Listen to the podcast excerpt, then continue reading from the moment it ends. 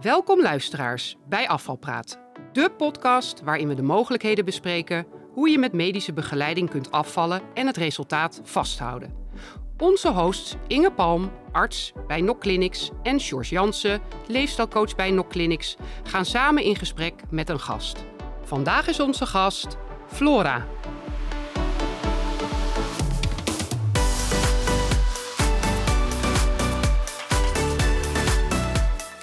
Welkom Flora bij aflevering 2 van Afvalpraat. Dankjewel.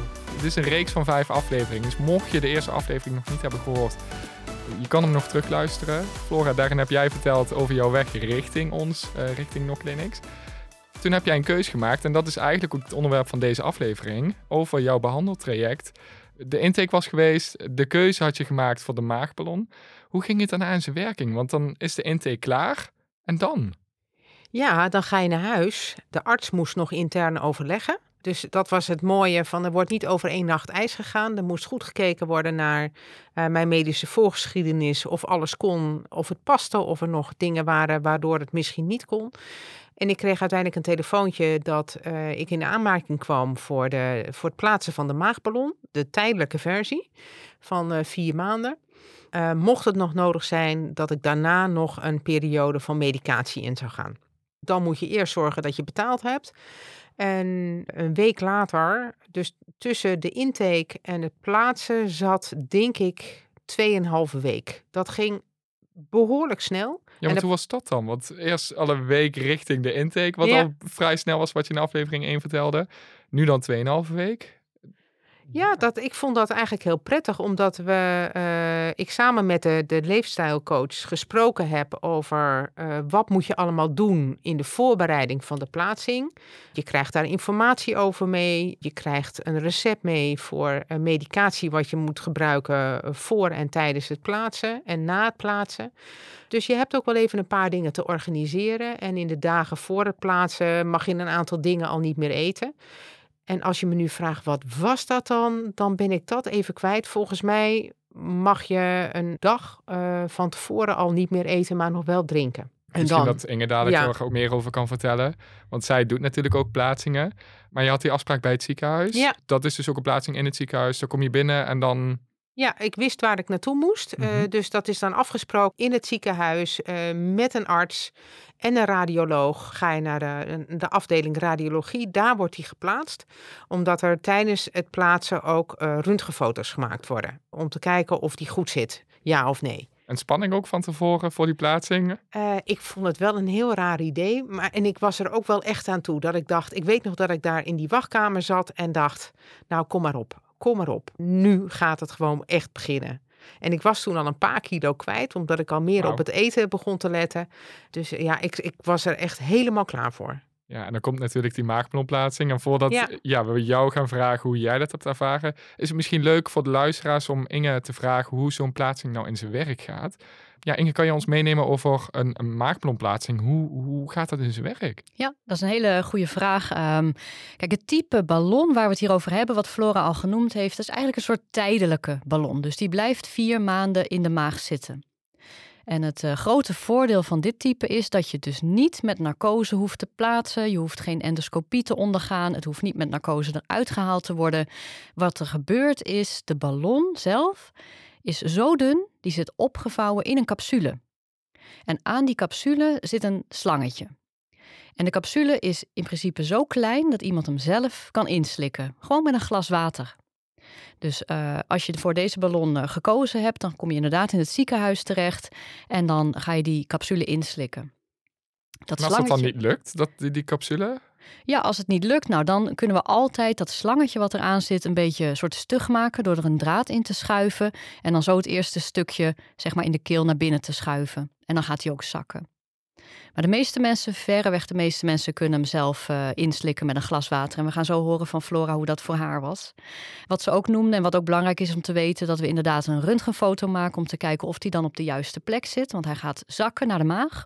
En wanneer die dan in de maag zit op de juiste plek, dan kunnen we hem opvullen met water. En als die helemaal vol is, dat duurt een aantal minuten, dan kan je dat slangetje er heel gemakkelijk afhalen. En dan heb je die ballon in je maag. En uh, ja, in principe staan mensen binnen een kwartier weer buiten.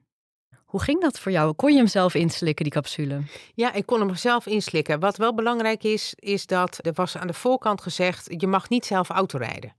Dus ik heb besloten om eh, met de trein te komen. Dat kan van mijn huis tot uh, het ziekenhuis. Ging dat heel erg goed. Ik denk, nou, volgens mij ook in de tijd uh, is lang genoeg of kort genoeg om dat aan te durven. mijn man zei al, anders breng ik je. Maar goed, dat zijn keuzes die je wel, daar moet je even over nadenken. En uiteindelijk met dat plaatsen, ik had een filmpje gezien, want je kunt de filmpjes ook zien via Google. Dat ik dacht, oh, dat doorslikken gaat wel. Het is gewoon een beetje een raar idee. Je, je slikt iets in ter grootte van de, een, een kootje van je duim, uh, met een draadje eraan. En de arts die erbij stond, eh, die zei: uh, Hier is water, eventueel water met bubbels, dat, dan slikt het nog wat makkelijker door. En je bent je heel erg bewust dat er iets door je keel zakt.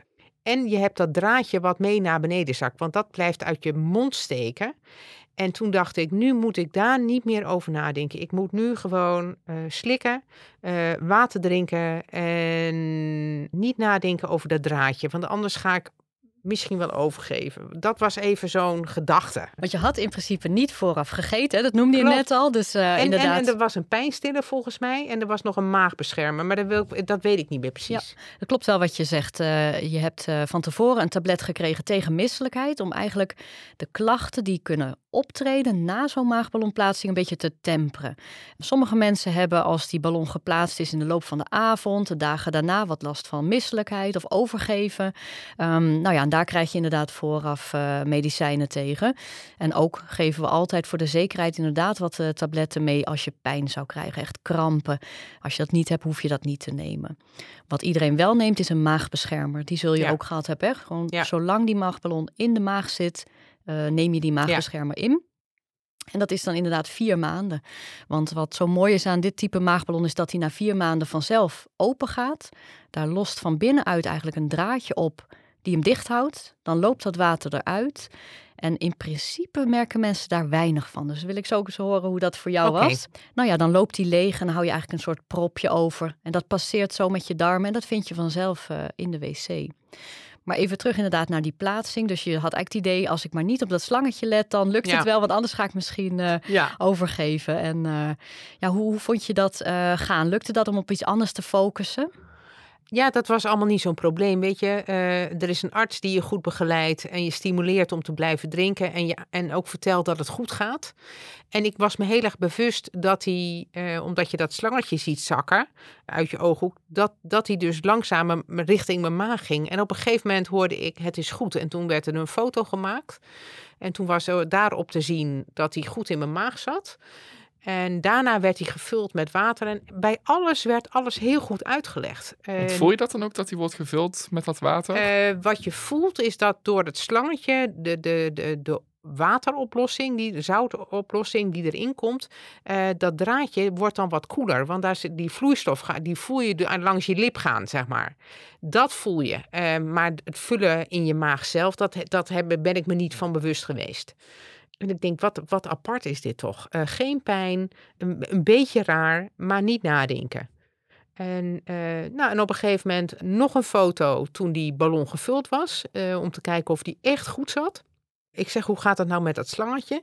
Ik denk, ja, hoe, hoe, moet je dat er nou afhalen? En toen zei ze, ik doe een klein rukje, voelt even raar en dan is hij uit je mond. En ik zie er nog een rukje geven. En dan trekt ze dat slangetje uit je mond. En dat vond ik het meest rare moment van de hele plaatsing. Want dan ben je je zo bewust dat er een, een draad door je mond getrokken wordt. Maar dat is, dat is twee keer knipperen met je ogen. Of misschien wel één keer en dan is hij er al uit. Dus het, het gaat zo ontzettend snel. En ik heb me steeds voor ogen gehouden. Nu gaat het echt beginnen.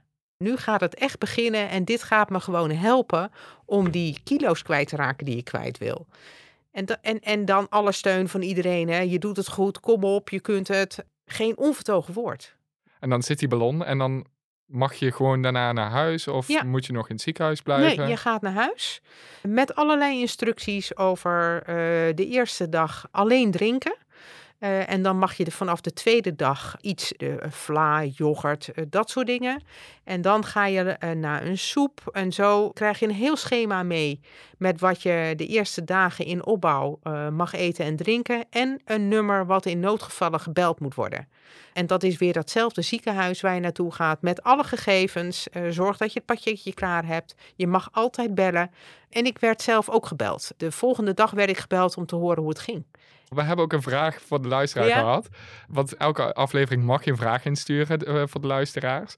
Je gaf net bij die plaatsing aan dat, dat dat eigenlijk zonder klachten verliep.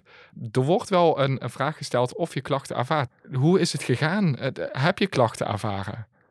Jazeker. Ja, dat klinkt dramatischer dan dat ik het bedoel. Tijdens de intake eh, werd al gezegd: let op, de eerste nacht voel je je gewoon niet lekker. De, maag uh, gaat zich misschien wat verzetten. Daar heb je die tabletjes voor om die kramp wat te voorkomen.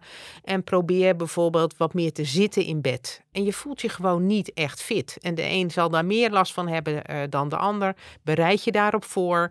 Het was gewoon heel duidelijk wat je te wachten zou kunnen staan. En, en dat helpt in uh, het managen van de verwachtingen, zoals ik dat altijd zeg. Dus ik heb die eerste nacht een beetje door bed gerold, gezeten, niet echt heel goed geslapen. En de volgende dag dacht ik, ik heb nu het ergste geloof ik wel achter de rug. En het uh, drinken ging ook goed. Ik durfde een beetje vla aan voorzichtig. En dat, dat ging ook goed. Die eerste dag, dat was een vrijdag, ben ik uh, in en om het huis een beetje aanlopen, modderen. Neem vooral vrij, geen ingewikkelde dingen. Een filmpje gekeken, dat heb ik gedaan. En zo ben ik die eerste 24 uur doorgerold. En ondertussen had ik alweer telefonisch contact gehad, want ik werd gebeld om te horen hoe het ging. Dus ik vond het eigenlijk heel erg meevallen. Mooi, dat is fijn om te horen. En het is grappig dat je zegt dat was een vrijdag, want we doen dit altijd expres op donderdag. Zodat oh mensen dan vrijdag vrij kunnen nemen, het weekend rustig. Nou ja, en dan kan iedereen ook die dat wil op maandag weer uh, op zijn werkplek zitten. En dat maakt het natuurlijk ook heel, uh, ja, kan het heel discreet maken voor mensen die dat ja. belangrijk vinden. Fijn dat het voor jou zo goed is uh, verlopen die eerste dagen.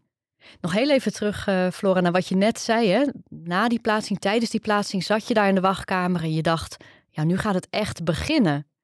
Hoe ging dat die eerste paar dagen? Had je toen ook het idee dat je ergens echt mee was begonnen of, dat je van start was gegaan? Ja, het grappige is dat ik, uh, ik kwam uit het ziekenhuis met een uh, schoudertasje met daarin een, een, hele luxe weegschaal ehm, en een horloge, een stappenteller. En dat zou uh, me kunnen, dat gaat dan je begeleiden, uh, waar, uh, zodat je kan volgen hoe het afvallen gaat. En dat kun je heel goed volgen met een app. Dat kun je ook delen met de lifestyle coach van de NOC Clinics. Dat zijn gewoon hele handige hulpmiddelen. Dus zo, zo ben ik begonnen. En ik weet nog dat ik thuis kwam en ik had me wel eens beter gevoeld, maar ik was ook niet heel ziek. Dat was het absoluut niet. Ik heb zelfs nog een vergadering gehad smiddags. Nou, ik was ook wel blij dat die voorbij was.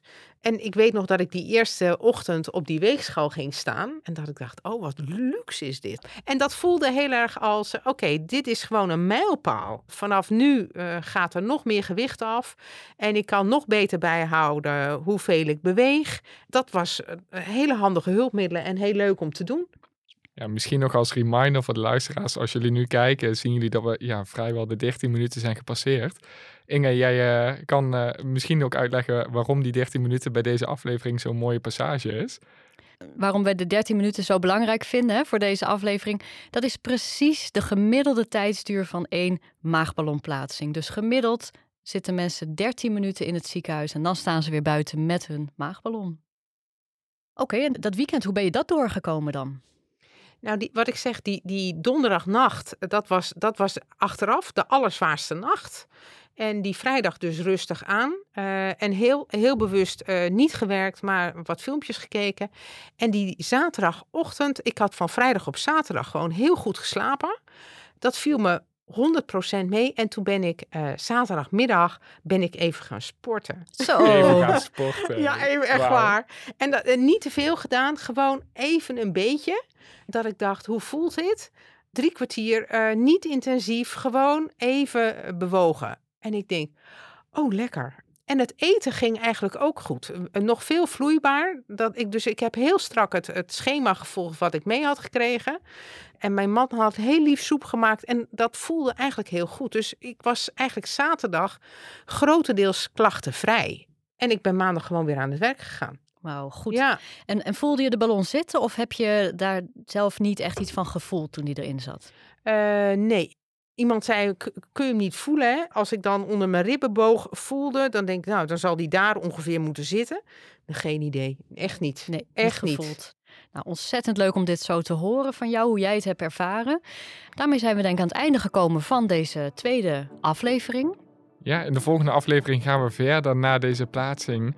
Hoe het verder is gegaan in die 16 weken van de plaatsing. Aan de luisteraars weer de vraag. Mocht je vragen hebben, stuur ze in via onze social media kanalen. En zoals je vandaag hebt gemerkt, komt hij misschien terug bij aflevering 3. Flora, jij ook bedankt voor deze aflevering. Inge bedankt. Luisteraars, bedankt voor het luisteren. En graag horen we jullie weer bij aflevering 3 van Afvalpraat.